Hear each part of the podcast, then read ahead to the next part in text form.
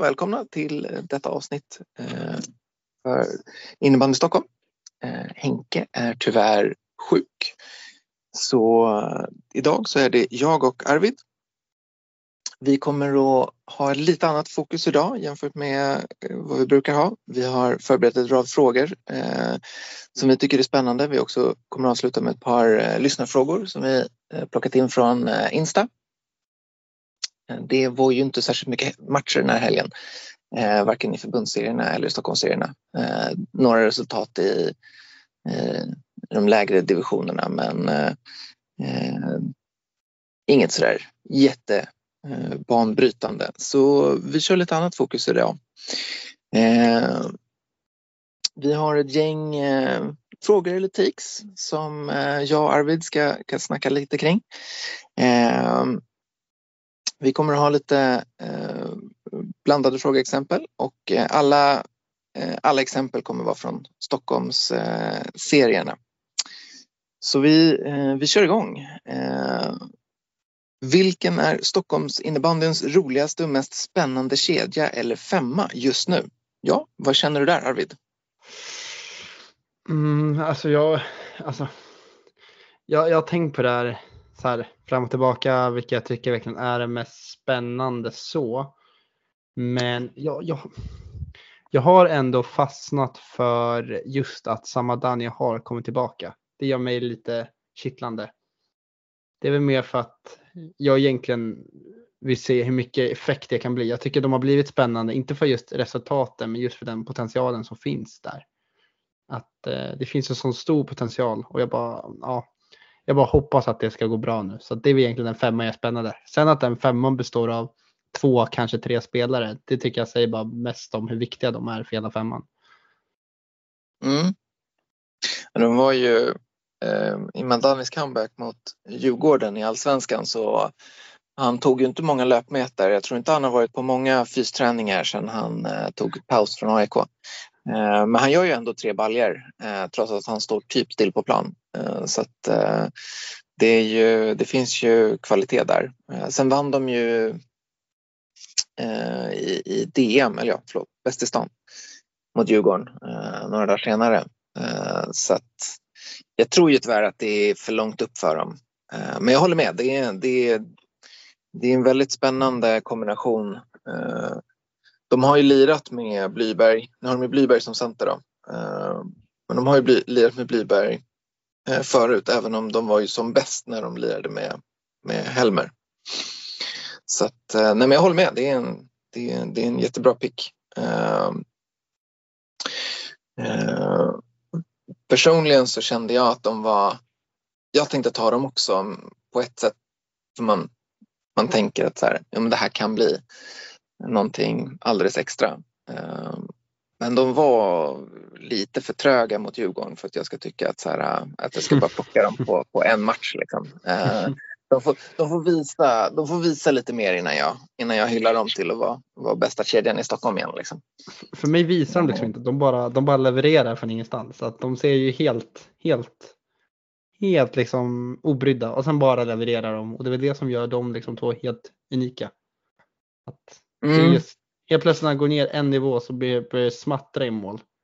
På samma sätt så ser man väl att när Kristensen går upp en nivå så blir det inte lika framgångsrikt. Så det är ju någonting med de där två tillsammans. Oh, harsh, harsh, harsh. Alltså så här. Är det någon som förväntar sig att Kristensen ska få ut så jättemycket av att lira en tredje kedja i Nykvarn? Ja, men jag hade alltså, ändå förväntningar. Alltså, jag trodde ändå att det skulle gå bra. Det är för att jag tycker att Kristensen är så bra med boll.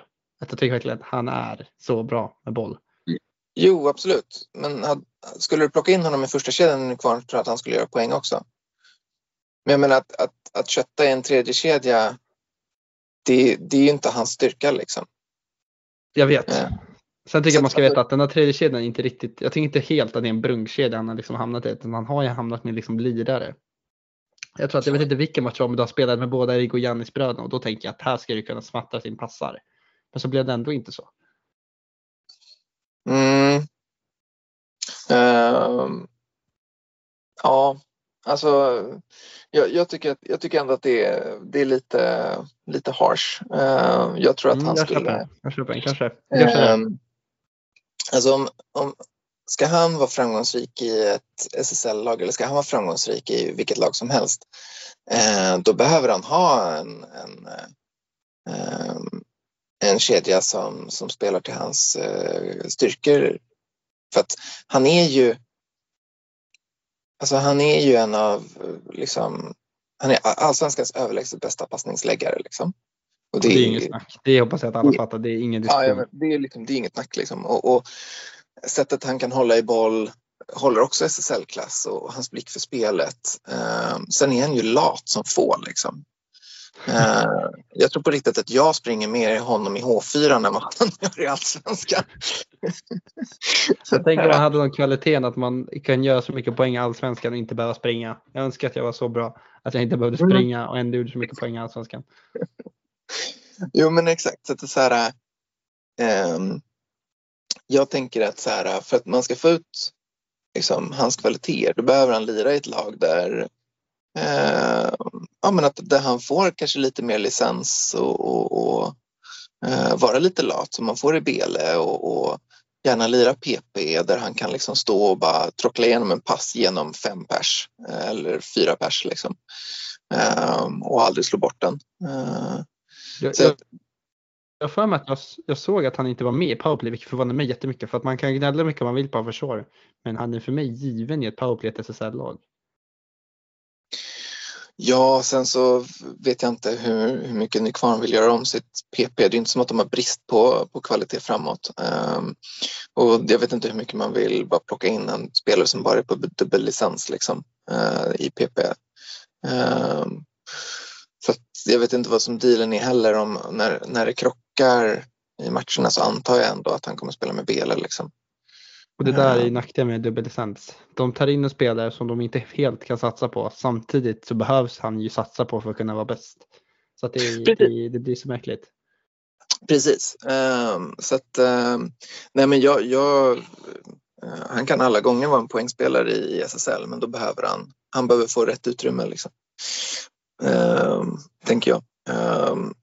men men i alla fall, jag, jag plockade inte den kedjan äh, åter till frågan då. För att, äh, ja, det, den har vi glömt helt. Vi fastnade på Christensen. Frågan ja, var nästan, har vi glömt bort helt.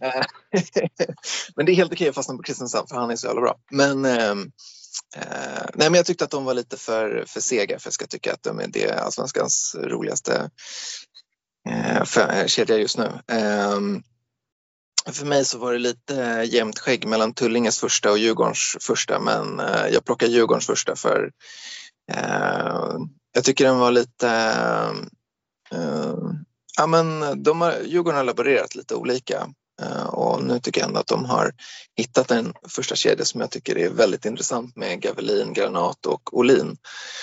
Eh, du har ju liksom två power forwards i, i Gavelin och Olin väldigt fysiska, eh, klarar av både att kötta defensivt och, och, och eh, ligga högt på, på press. Liksom. Eh, och jag tycker Granat har vuxit ut till en väldigt intressant eh, center i allsvenskan. Ja, jag skulle precis säga att jag, alltså när jag har sett Granat, jag sa att det var i Rotebro jag såg han. Och alltså jag trodde inte att någon hade sagt mig att en och en halv säsong senare ska han spela något topplag i, eller över halvan lag i allsvenskan. Eh, och liksom var i första kedjan, det hade jag aldrig trott. Så att han har verkligen växt med uppgiften och det, han har varit nu i Djurgården i alla fall två säsonger vill jag säga, kanske mer. Och att han okay. verkligen har utvecklats och verkligen har utvecklat, tagit steg. Så det är verkligen kul att se de här late bloomers, vad man ska säga. Ja, li, ja lite väl, ja i och för sig innebandymässigt så är det väl lite. Han är inte, ja. han är inte, han är inte gammal direkt. Liksom. Ehm, men han gick ju till Djurgården inför SSL-säsongen ehm, och SSL var väl lite för tidigt för honom den säsongen. Men jag, tycker att, eh, jag tyckte han var bra redan förra säsongen i Allsvenskan.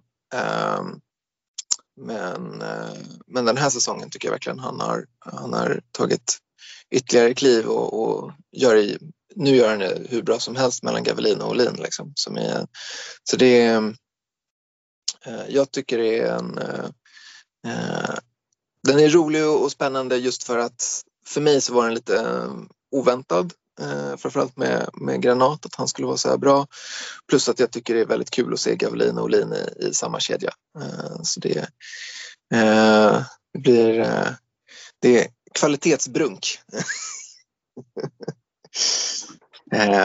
så. Men shoutout till Tullinges första, eller valfri kedja där Mattias Andersson spelar är ju... det, är lite, det, är lite så, det handlar lite om vad han spelar.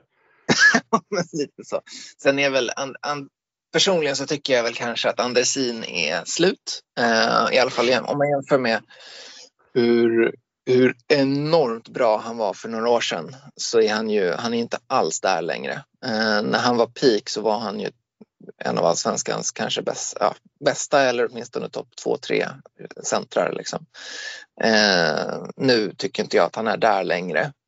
men Mattias Andersson är fortfarande så här, han är så bra så man kan ju liksom Uh, uh, han är ju värd att prisa 150 spänn eller 100 spänn bara för att gå och se honom. Liksom. Du drar upp biljettpriserna du redan där alltså. Ja, vi ska inte börja där. Vi ska hålla oss till ämnet. Jag tänker vi, byter, vi går till vidare till nästa fråga. Ja, eh, vi kör, vi kör. Så vem förutom Samadani är Stockholms bästa skytt? Oh, alltså jag har tänkt på några styckna.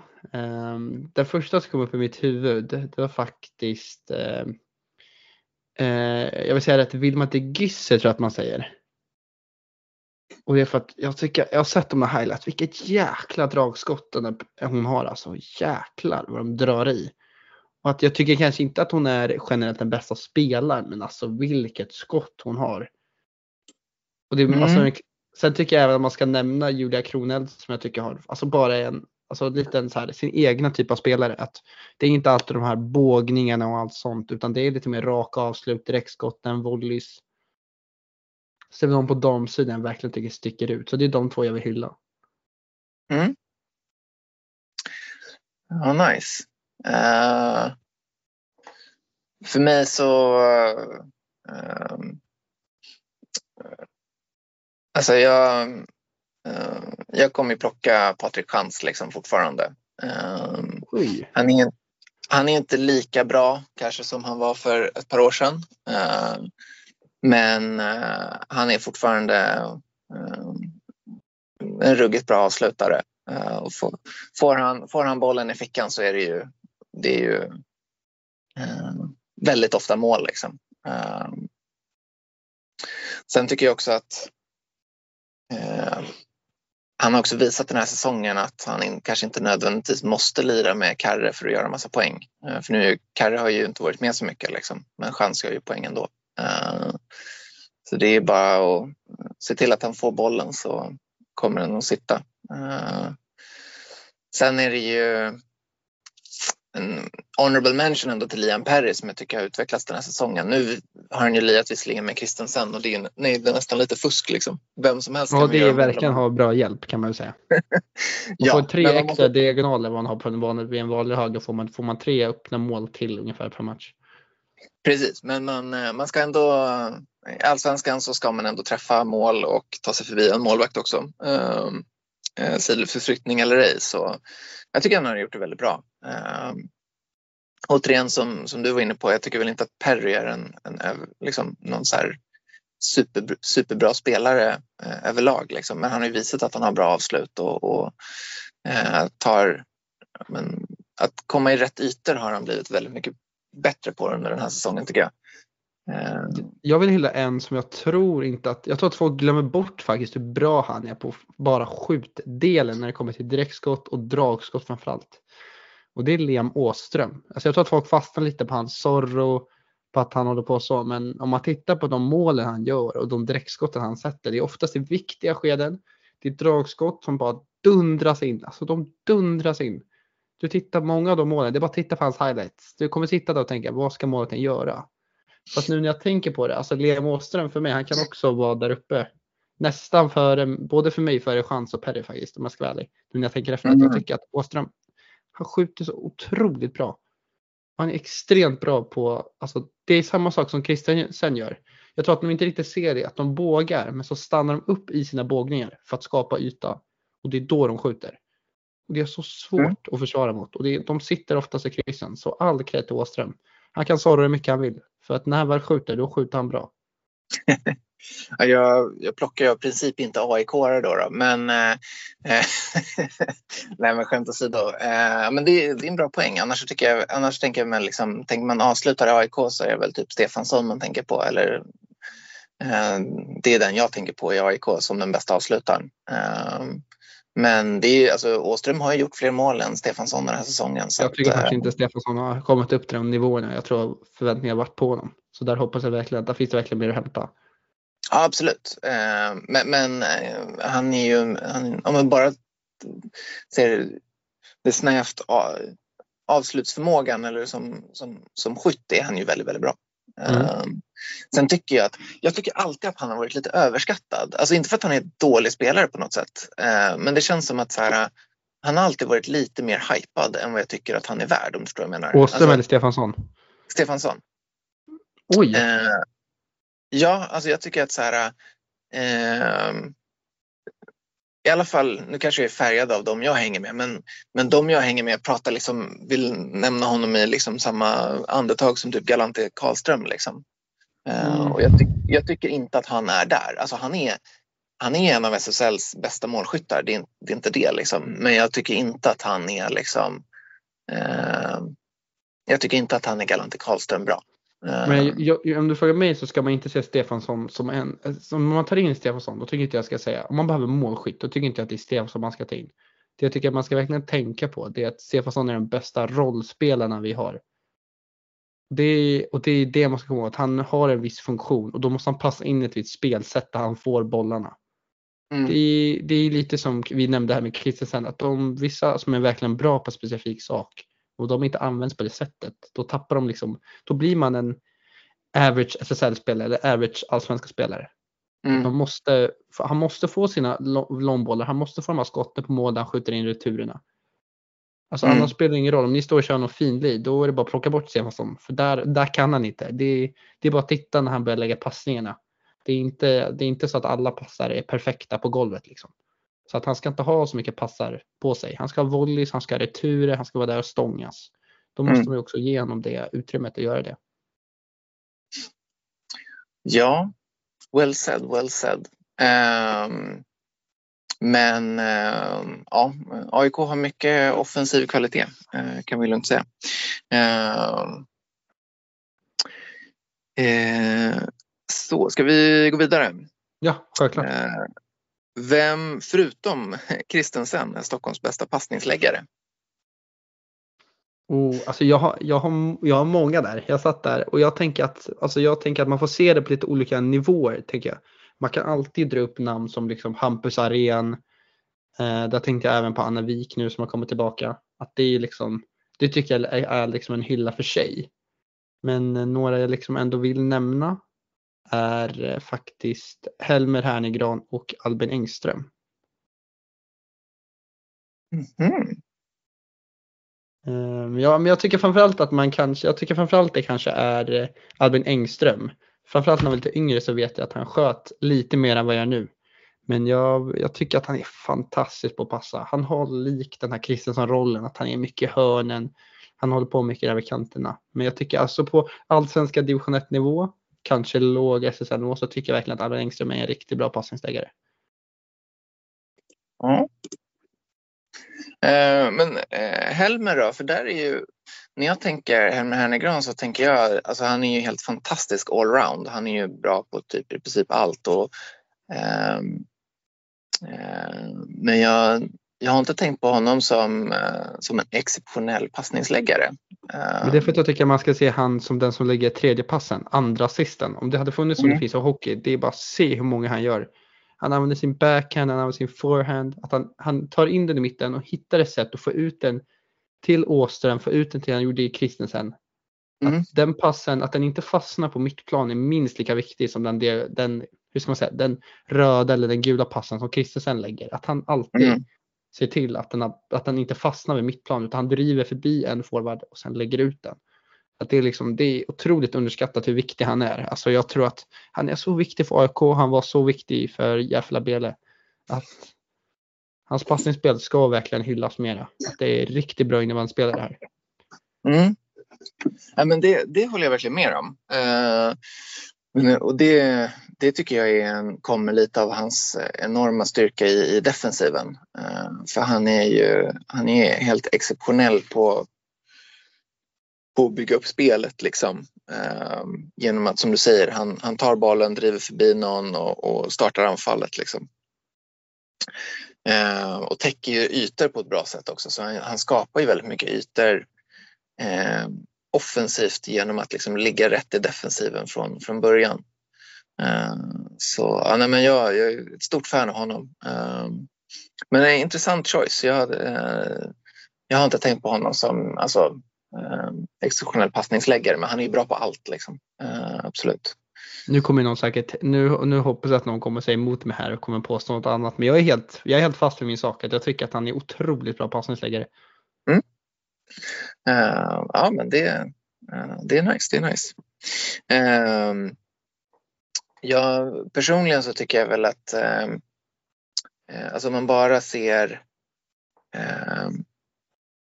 alltså, förmågan att, att, se passningar och lägga passningar så tycker jag väl att just den biten tycker jag nästan att Blyberg är, är bättre än Hernegran.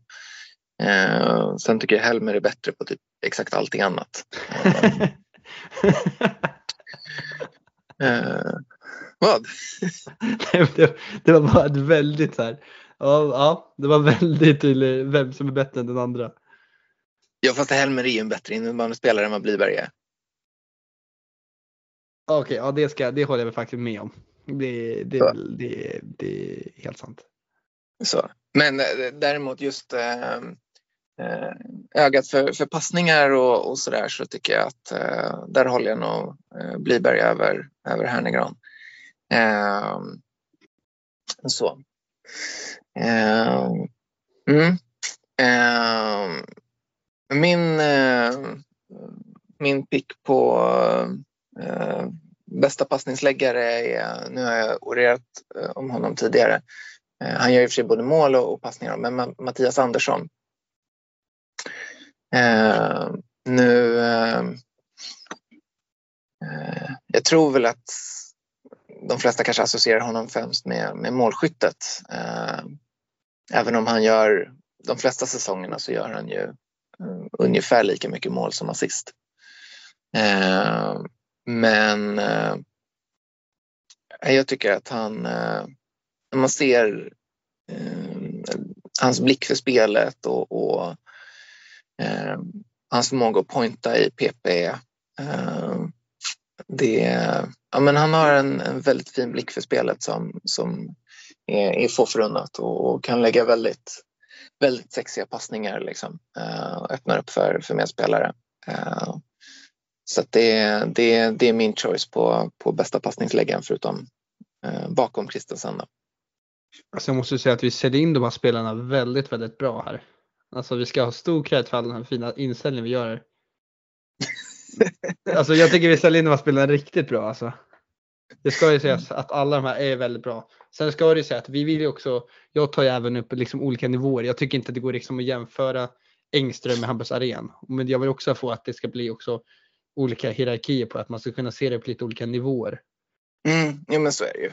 Um, och jag menar, um, Mattias Andersson gick ju till Helsingborg i SSL och lyckades väl inte så himla bra där. Um, nu följer inte jag Helsingborg så att jag vet inte. Uh, för mig är Mattias Andersson ändå en spelare som bör kunna lyckas på SSL-nivå. Uh, gjorde det uppenbarligen inte i Helsingborg men det kan ju ha varit andra saker som, som spelade in där, kanske inte fick förtroende eller någonting. Jag har noll koll på Helsingborg. Men eh, men det, det, är som du säger, det är självklart att liksom, um, um, en sån som Hampus Arén är ju jag menar, spelar man i landslaget så är man ju, är man ju bättre än de flesta om man säger så. Uh, men, men uh, jag vet inte, Nykvarn, ja jo, det är ju Stockholm så det är väl fair enough. Det är Stockholms län. Så att, ja. Nu har inte jag plockat några Nykvarnspelare men det är uh, mestadels. Ja, Ja, nej, men jag, jag ser inte så många matcher med Nykvarn. Um, det är för att så här, jag orkar inte åka till Nykvarn. alltså jag ska säga, jag har varit i Nykvarn och tittat och det tycker jag fler ska göra. Shit vad härlig atmosfär och arena det är där. Alltså man inte vet om Nykvarnområdet, alla där andas liksom innebandy. Det är riktigt liksom innebandyområde. Så om man inte har varit ute och sett dem i hallen så tycker jag verkligen man ska göra det. Men jag tänker vi rullar vidare i frågan. Så egentligen. Absolut. Då frågar jag dig Stoffe. Vem är den bästa värvningen i Stockholm den här säsongen? Ja, oh, alltså den är så himla... Uh, uh, jag tycker den är jättesvår. Uh, så jag har, jag har faktiskt Om du säger Gavelin nu. Alltså om du säger Gavelin nu. Men tror du att jag kommer säga någon annan än Gavelin? Ja men du skämtar nu. Det åh, jag orkar det inte. något annat val än Gavelin. Alltså, orkar uh, inte. Undrar om någon som lyssnar på den här podden undrar om du, alltså, om du älskar Djurgårdens allsvenska lag eller inte.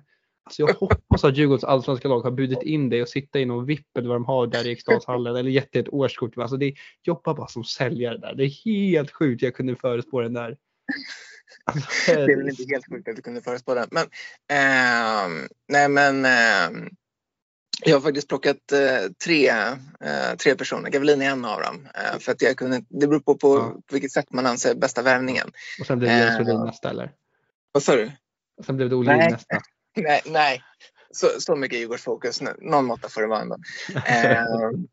nej men om vi, om vi börjar med Gavelin då. Men Gavelin är så otroligt viktig för Djurgården. Eh, alltså, Djurgården får in en poängspelare Uh, får in en pappa i laget, uh, får in en ledare, en vinnarskalle uh, till ett liksom ungt och lite flaky lag.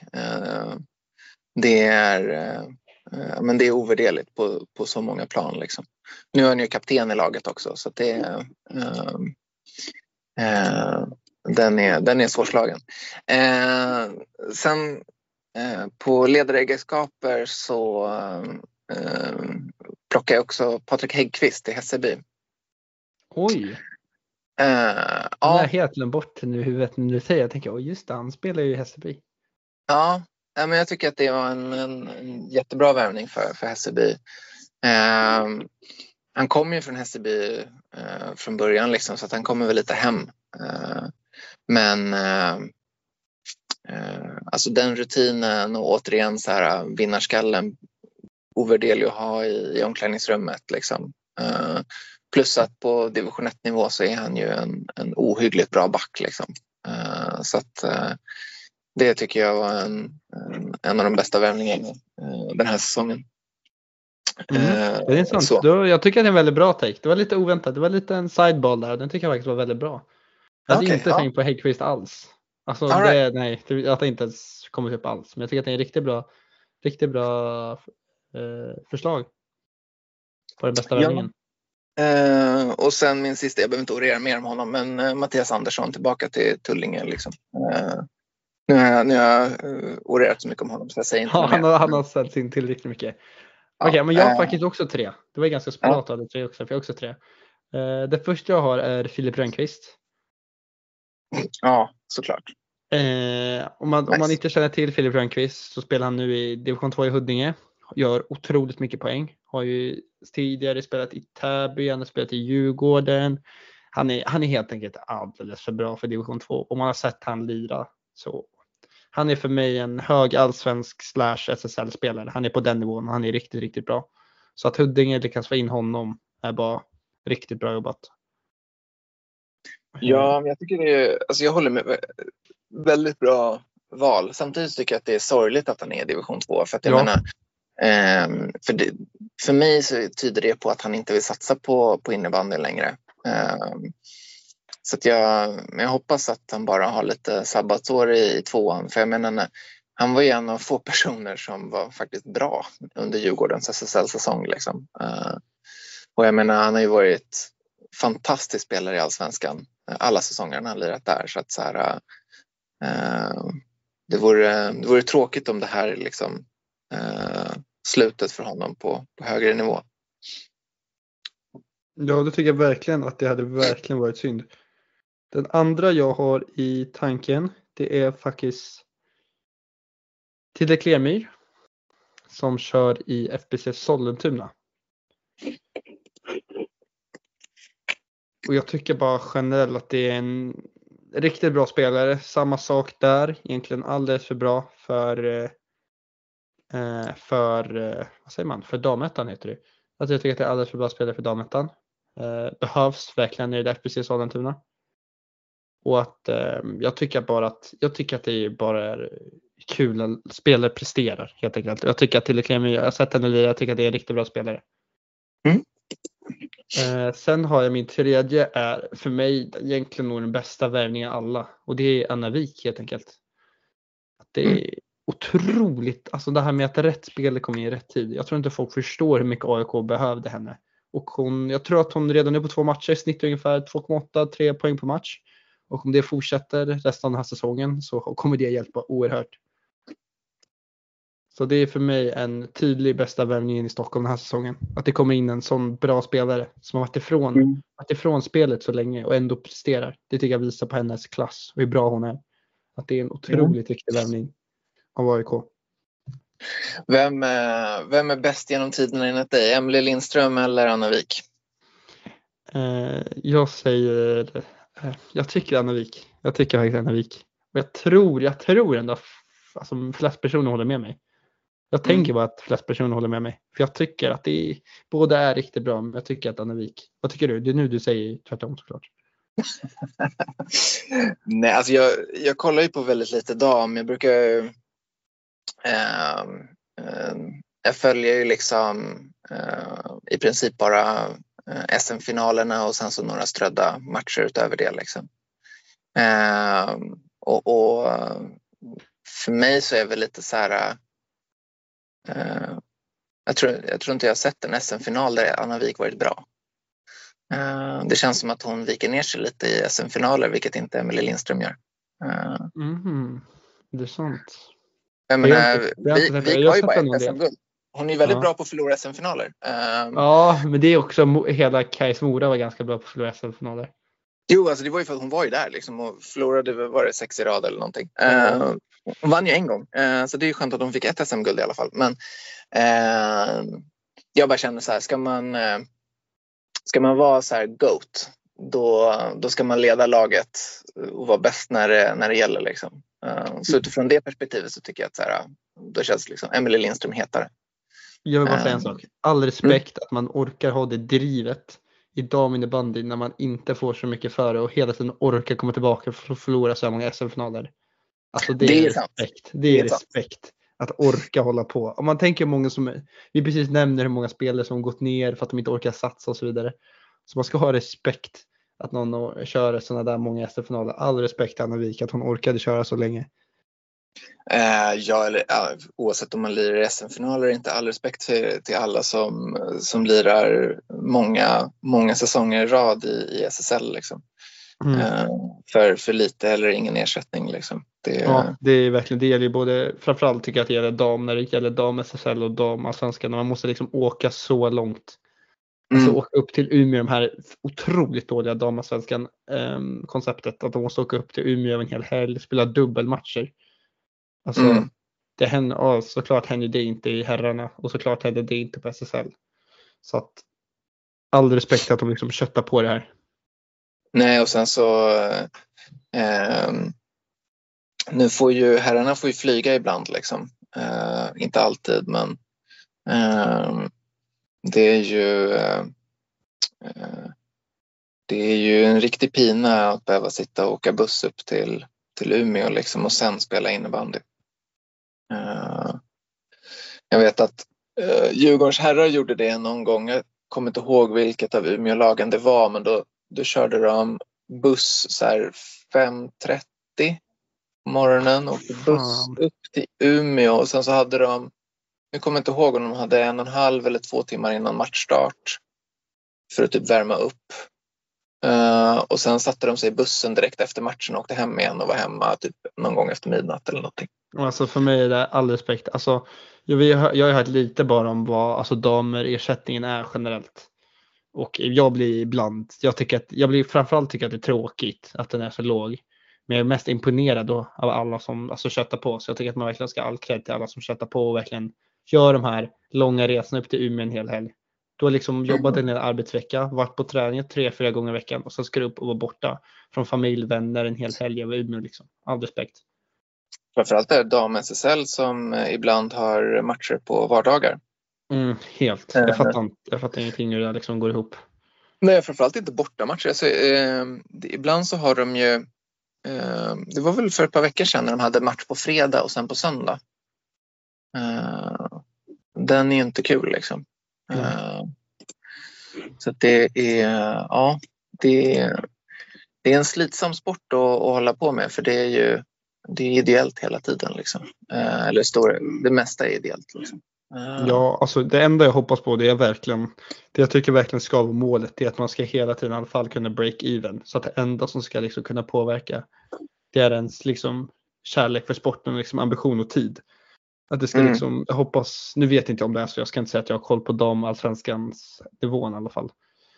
Eh, och tyvärr så är, kan, inte, kan inte jag säga att jag är helt övertygad om att alla break even på det, vilket jag tycker är extremt tråkigt. Men det är väl verkligheten vi är i just nu. Eh, jag hörde någonting om att det, nu kommer jag inte ihåg vilket lag det var, men jag för mig att det var, jag för mig att Lukas sa att Täbys damer inte ens får licensavgiften pröjsad. Eh, jag kan minnas Oj. fel. Oj, ja, vi ska, inte, vi, ska inte, vi ska inte bekräfta om det är sant eller inte, men om jag blir, ja, det här är vad jag menar. Att jag tycker det är extremt ja, tråkigt. Det kanske, är, det kanske är helt normalt. Alltså det är jag som kanske inte har insikt i hur damekonomin ser ut. Men jag tycker att det är extremt tråkigt. Alltså jag har några mm. bekanta som kör i damettan och lite damallsvenskan och sånt. Och jag har hört lite insikt. Så att det, jag tror inte att du är helt off med de där påståenden. Det är inte så att de tjänar multum mm. direkt. Ja, men eh, ska vi gå vidare till eh, flopp då? Eh, vilket, eh, vilket lag är den största floppen i år enligt dig? Um, jag har det självklara och det är Täby. Um, och vi, vi, har ju gått igenom det så himla mycket innan, att vi har liksom pratat om vad som har hänt där i början av säsongen när jag var, när jag var lite nyare i den här podden. Uh, men det har vi bara, det, man kan väl säga att det som skedde tidigare av säsongen fortsätter att påverka. Sen har jag faktiskt ett annat lag och det är egentligen två andra lag. Ett är faktiskt Järfälla-Beres allsvenska lag och där kanske bara jag som är lite borta i det blå. Men jag trodde ändå att de skulle komma bättre än näst sist, de, vad de ligger just nu. Det trodde jag faktiskt. Mm. Eh, och sen har jag det... även Hammarby i division 2 herrar. Ah, okej. Okay. Vad har du att säga om Hammarby då? Alltså, jag vet inte, jag hade kanske bara lite större förväntningar på generellt. Jag vet inte om det var bara en känsla jag hade innan. Jag blev spännande när de hade gjort klar med Ferraresi. Jag tänkte hur mycket han, han kommer lära Ja, det är det, alltså sådana här saker som för mig ändrar ju allting.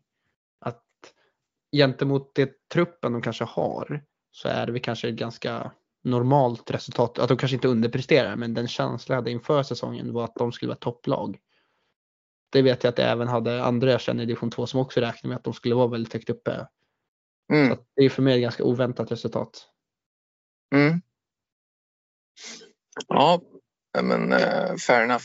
Uh, sen de fick ju uh, de fick ju tillbaka Dalbjer också. Mm, exakt.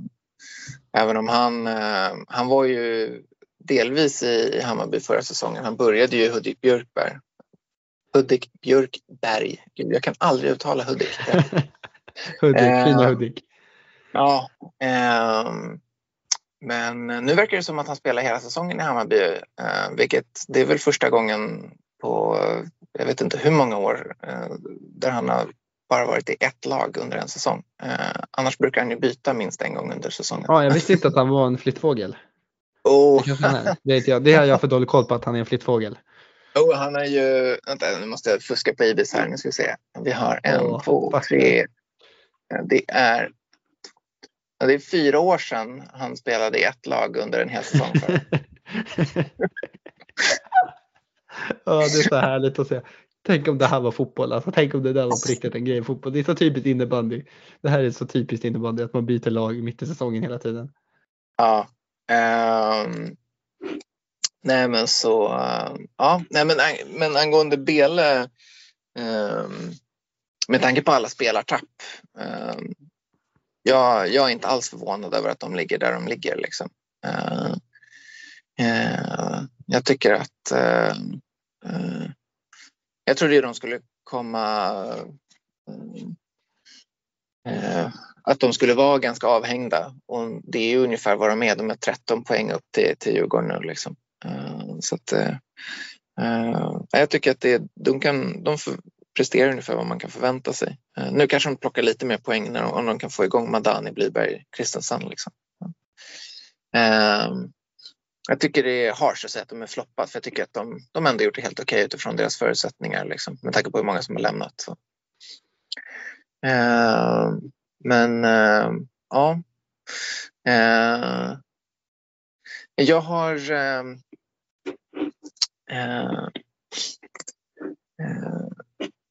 nu är det ju ehm,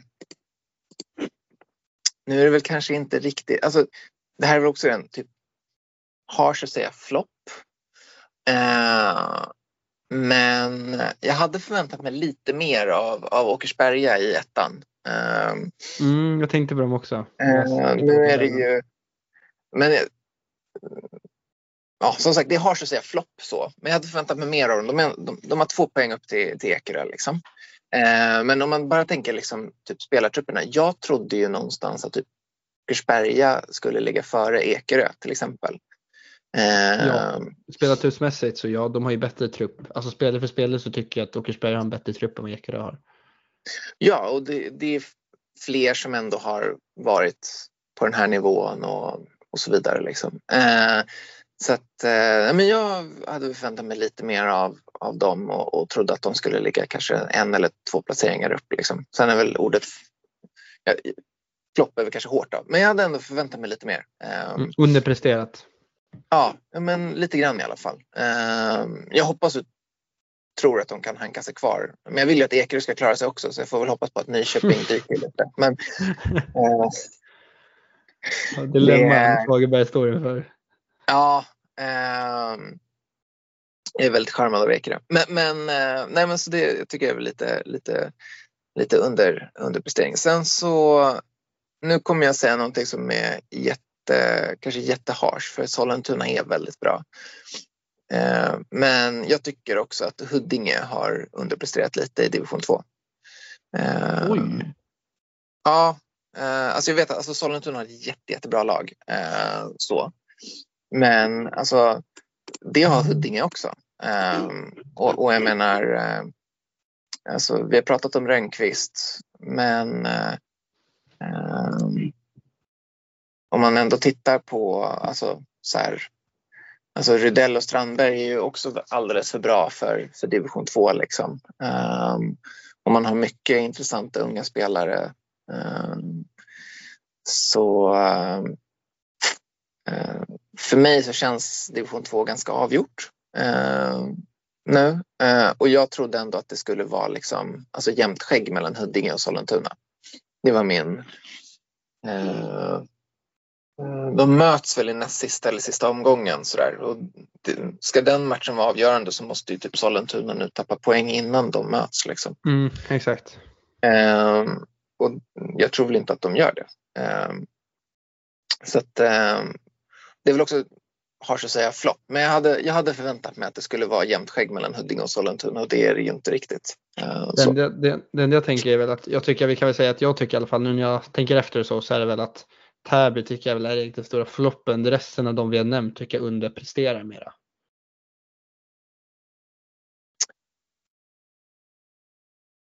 Alltså, jag vet, alltså utifrån den truppen de har just nu vet jag inte om jag håller med. Vilka? Täby. Nej men jag utgår helt från början av säsongen, alltså de ja, förväntningar ja. jag hade. Så, så jag egentligen, det kan jag som har tänkt fel, men så har jag tolkat nästan alla frågor. Så jag har tänkt på hur jag, bra jag tycker de borde ha varit inför säsongen.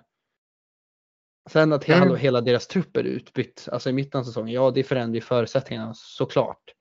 Men vart ifrån de hade och de förväntningar och potential de hade till vart de är nu. Mm. Så är väl det det största. Det Sen ska det sägas också, även innan den här all, all kalabalik med, med tränare som får sparken och avgår och eh, hit och dit. Eh, eller sportchef som får sparken och tränare som avgår hit och dit. Men eh, så Täby underpresterade ju redan innan folk började lämna. Mm, eh, för de låg ju inte, eh, de låg inte i topp redan innan folk började lämna. Så att så här, de, det är ju helt sant att så här, Täby, Täby på det sättet är väl egentligen den Stockholms enda riktiga flopp på det sättet. Mm. För de, var, de började ju floppa redan innan folk började lämna. Så, så att så här, eh, för de låg ju typ, när kaoset, när kalabaliken började, då låg de ju typ i mitten någonstans. Eh, om jag minns rätt. Eh, ja, det stämmer. Jag har för mig att de låg någonstans i mitten där. Ja, de låg typ sex eller sju eller någonting, liksom. vilket är alldeles för dåligt. Jag menar, man tänker, alltså, förväntningarna inför säsongen var ju att de, de, de och Tullinge skulle ju ligga i topp. Uh, liksom. uh, det var ju det man tänkte sig. Uh, och så, så, blev det ju inte redan innan folk lämnade. Men om man tittar på om man tittar på laget de har nu så tycker jag att så här, de presterar väl ungefär det man kan förvänta sig av dem. Uh, så det var väl därför jag inte tänkte på det. Men du har helt rätt. Alltså, om man tänker inför säsongen så är absolut Täby den största floppen. Så. Ja, ska vi gå över till uh, mer positivt då? Vilket lag har överraskat mest i år?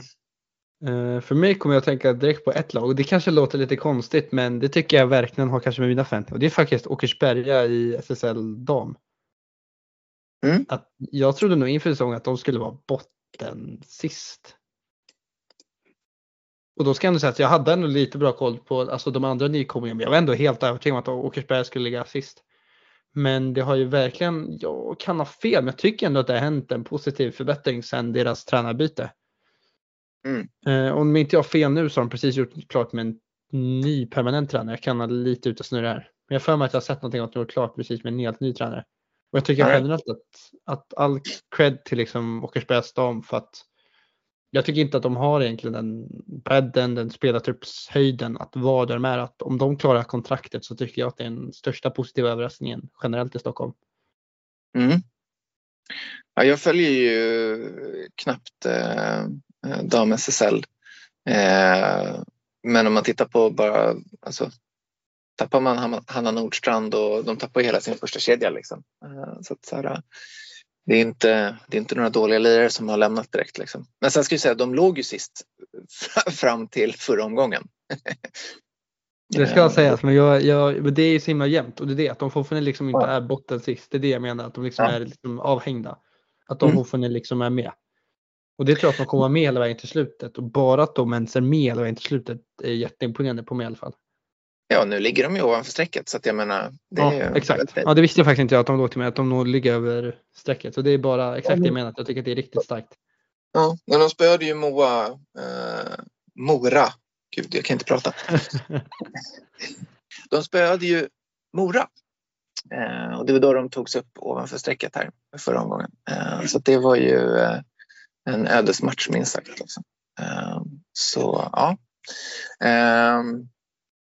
Nej, men jag tycker att det är, det är en bra pick. Uh, jag uh,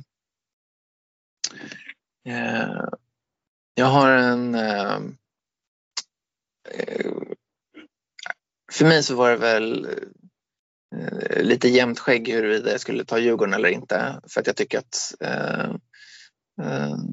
de har de har ändå överpresterat var, mot mina förväntningar. Jag tippade dem inte att topp 6 liksom. och nu ser det ut som att det ser väldigt goda chanser ut att de klarar sig i allsvenskan. Ehm, men eh, för mig så plockar jag ändå RA faktiskt.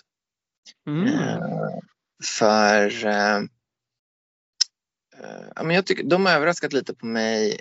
Inte för att så här, alltså alla vet ju hur bra deras stjärnor är. Liksom. Ehm, men eh, jag trodde inte att de skulle vara så nära Tullinge som de är. Eh, nu har de i princip, det känns ganska avgjort att de kommer att nå kvalet. Liksom. Ehm, och eh, jag trodde inte att de skulle vara riktigt så högt upp. Eh, jag trodde de skulle vara där och nosa men inte att det skulle vara eh, i princip klart att det skulle bli de och Tullinge liksom, eh, redan nu. Eh, och eh, jag menar, Sandsund och Jämtdal är ju hur bra som helst. Eh, men de har också varit ganska svajiga när de har varit i RA. Liksom. Eh, alltså lite humörsspelare.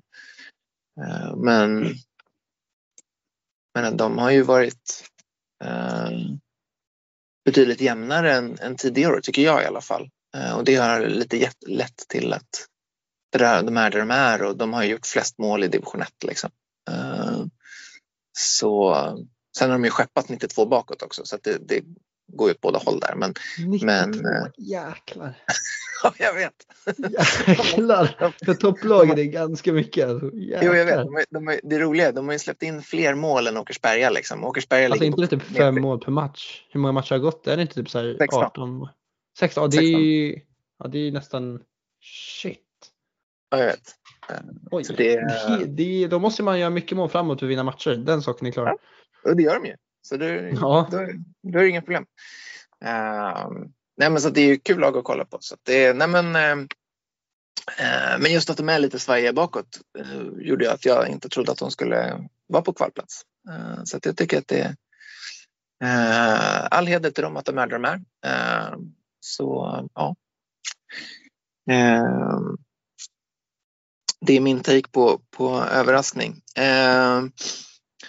Så kan vi gå vidare till eh, lite eh, lyssnarfrågor från, från Insta. Mm. Eh, och eh, du har ju koll på Insta så du får ta den biten. Ja, egentligen. Alltså jag tycker att många frågor var bra. Vi har gått igenom vissa av dem. Eh, en påstår ju här att Samadani är Stockholms bästa målskytt. Ja, det har du väl helt rätt i, så den, den kan du få. Men eh, jag tycker generellt en fråga jag fick som jag tycker verkligen vi ska ta upp och det är väl om det blir bättre med eh, att det ska bli färre allsvenska serier och det gäller ju både damer och herrar. Um, och jag vill mm. bara säga att jag tycker generellt att det är kortsiktigt kanske inte det bästa för att ha en så bra nivå på allsvenskan som möjligt. Men jag tror att det är bäst för sporten. Och det jag menar med det är att jag tror att det finns spelare som nu inte kommer spela i allsvenskan som har nivån för allsvenskan. Som till exempel det här vi nämnde med eh, Filip Rönnqvist exempel. Att jag vet inte hur många som är taggade att åka ner hela vägen till söder i Sverige och sen åka upp till norra. Samma sak gäller damer, att nu blir det ju längre resor för dem också. Men eh, det, det, är helt enkelt det det gör tycker jag. Det är väl att de starka klubbarna med bra ekonomi kommer klara av att liksom vara kvar. Och i slutändan så kommer det bli de starka klubbarna som egentligen är sig den elitidrotten vi vill ha. Det är de som också kommer börja befinna sig i de här serierna. Så för lång sikt tycker mm. jag att det är verkligen rätt väg att gå för att det ska bli mer seriöst och vi har ju precis pratat här om ersättning. Då krävs det sådana saker som måste göras för att ersättningen ska gå upp. Du ska kunna liksom gå plus minus noll när du spelar i näst högsta divisionen. Så mm. det tycker jag är helt rätt steg. Jag tycker att det är ett viktigt steg att ta. Så säga. Sen tror jag att det är synd för nästa år tror jag att kan, vi kan tappa många spelare. Men jag är villig att göra det. Mm. Jag, jag håller med dig. Vi har ju pratat om det här i tidigare avsnitt också men jag tror att eh, jag tror att det är ett bra steg att ta för att steget mellan allsvenskan och SSL ska bli mindre. För nu är det ju eh, jag tycker att det är alldeles för ofta som eh, nu har vi ju två bra ny, nykomlingar på herrsidan i, i, i SSL i år. Då. Eh, men det är, det är alldeles för ofta där, eh, där nykomlingen kommer upp och inte har en, en chans. Liksom. Eh, och det är för att steget från, från allsvenskan till, till SSL är för stort. Så jag tror att det det jag tror att det blir bra. Sen är det som du säger, alltså det, det är ju väldigt mycket ideellt eller halvideellt i, inom innebandyn. Så då blir det ju det blir ju tråkigt om det är massa kvalitetsspelare som skulle platsat i allsvenskan men som väljer att lira då i division 1 eh, istället.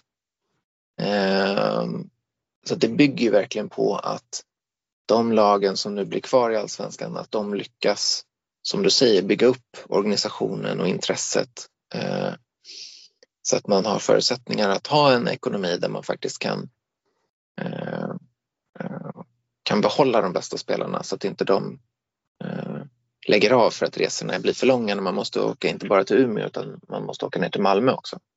Exakt, och det är därför jag också, jag har ju egna, jag säger inte det här nu på podden, men jag har ju själv liksom lag jag vill ska vara kvar mer än andra just för alltså innebandyns skull helhet.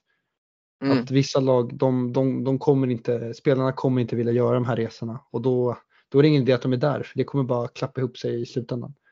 Ja, du tänker på TT eller? Ja, jag tänker på TT. Ja, ja, jag tänker på TT. Jag hoppas att TT åker ut kan jag säga rakt ut. Jag hoppas inte att de är kvar i Allsvenskan, det kan jag säga. Ja, det är TT jag tänker på. Oj, vad jag ja. hoppas att ni åker ut. Um, nej, men um, där är väl nu, jag har, jag har noll insight i, i TT, men jag tänker väl att deras gamble är väl så här att eh, de hoppas att Karre och Chans ska hålla dem kvar. Eh, och sen så eh, hoppas de på att de är typ enda eller max ett av två, eller i värsta fall ett av två Stockholmslag kvar i allsvenskan. Och då kommer de kunna plocka in nya spelare eh, för de kunde, de kunde kunna plocka i princip vem som helst från division 1 Eh, som är riktigt, riktigt bra. Eh, så det är väl, det är väl deras plan, antar jag.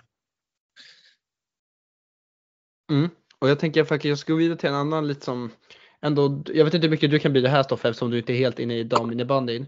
Men det var ju en som skrev och frågade varför USM-gruppen inom damer är så ojämna och jag vill egentligen göra den alltså frågan lite större. Och då har vi med att generellt tycker jag att juniorinnebandyn inom damer är mer ojämn än eh, herrar. Och det, det tycker jag, till exempel om du tittar på distriktslaget, var alla spelare kommer ifrån, så kan jag garantera dig, utan att ha faktan framför mig, att det är, fler, det är färre lag i dam. Jag gissar på att det är fler som kommer från samma lag i dam än vad det är killar, där det är lite mer utspritt. Så det tycker jag liksom är generellt att jag tror att vid en, liksom en tidig ålder så blir det att de motiverade och de elitsatsarna inom damer hamnar mycket snabbare i samma liksom kontext. Och jag har även, jag har även pratat här med andra alltså, som spelar nu dam att de säger att det liksom är samma sak. Att det kan bero på allt ifrån omklädningsmiljö, fler slutar också. Och att jag tycker bara generellt att de bra spelarna är liksom mer utspridda i herrarna. Att det finns liksom en bra spelare där i den laget, så finns det en bra där. Medan det är bara att se Täbys damer som ett exempel. Alltså det bara kommer upp talanger där hela tiden. Och det gör ju så att de här serierna blir extremt ojämna. Så att det vill bara besvara den taken att det har ju med att helt enkelt att alla bra spelare hamnar i, tidigare i en och samma förening inom dam än herrar. Eller vad säger man? Killar, flickor helt enkelt. Så fick jag det sagt. All right. Jag har eh, superdålig koll på Unis innebandy eh, oavsett kön. Eh. Nej, och det, alltså det, det, tycker jag inte är något liksom fel. Det har ju bara blivit så automatiskt av att det är också färre föreningar inom damer. Så att det blir snabbare ojämnt. Det finns satsande, mer satsande och icke satsande. Men eh, nu tänker jag att vi ska gå över till hiss och diss. Och jag tänker ifall Stoffe inte hunnit förbereda hiss och diss så ska jag ta mina först. Så ger jag han ungefär två minuters försprång. Do it. Eh, så jag tänker faktiskt börja med eh, hissen. Um, och då vill jag faktiskt hylla, ja men vi, vi nämnde det lite tidigare, alla de här som liksom köttar med dålig ersättning. Att de ska ha en cred liksom. Um, att jag, jag själv tittade inte mycket på lägre nivåer innan jag började med den här podden och sånt men man ska liksom ha respekt för alla de som pallar åka upp till Umeå. Det gäller både damer och herrar. Att det, det tycker jag verkligen ska hyllas lite mera. Att de får inga rubriker, de får inga liksom uppmärksamhet, de får liksom inte den ersättningen för det. Men de liksom köttar på liksom i det tysta. Det ska man ha stor cred för. Eh, och min diss, det är, det är lite, jag har tänkt på det nu. Eh, jag har sett eh, många highlights. Jag såg det faktiskt på distriktslaget också. Det måste bara slutas med. Alla målvakter som gör förflyttningar med händer i backen. Alltså det är en sån big no-no. Jag ser att det blir vanligt och vanligt bland yngre att man börjar förflytta sig för man vill ha snabba förflyttningar.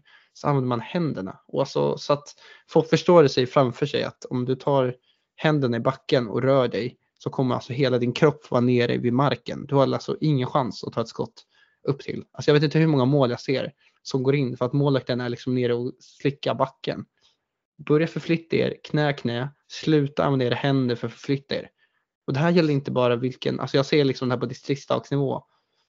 Så att det ska bara slutas med på en gång. Jag ser det på för många målvakter som gör det här. Och det, det, det, nej, gör det bara inte.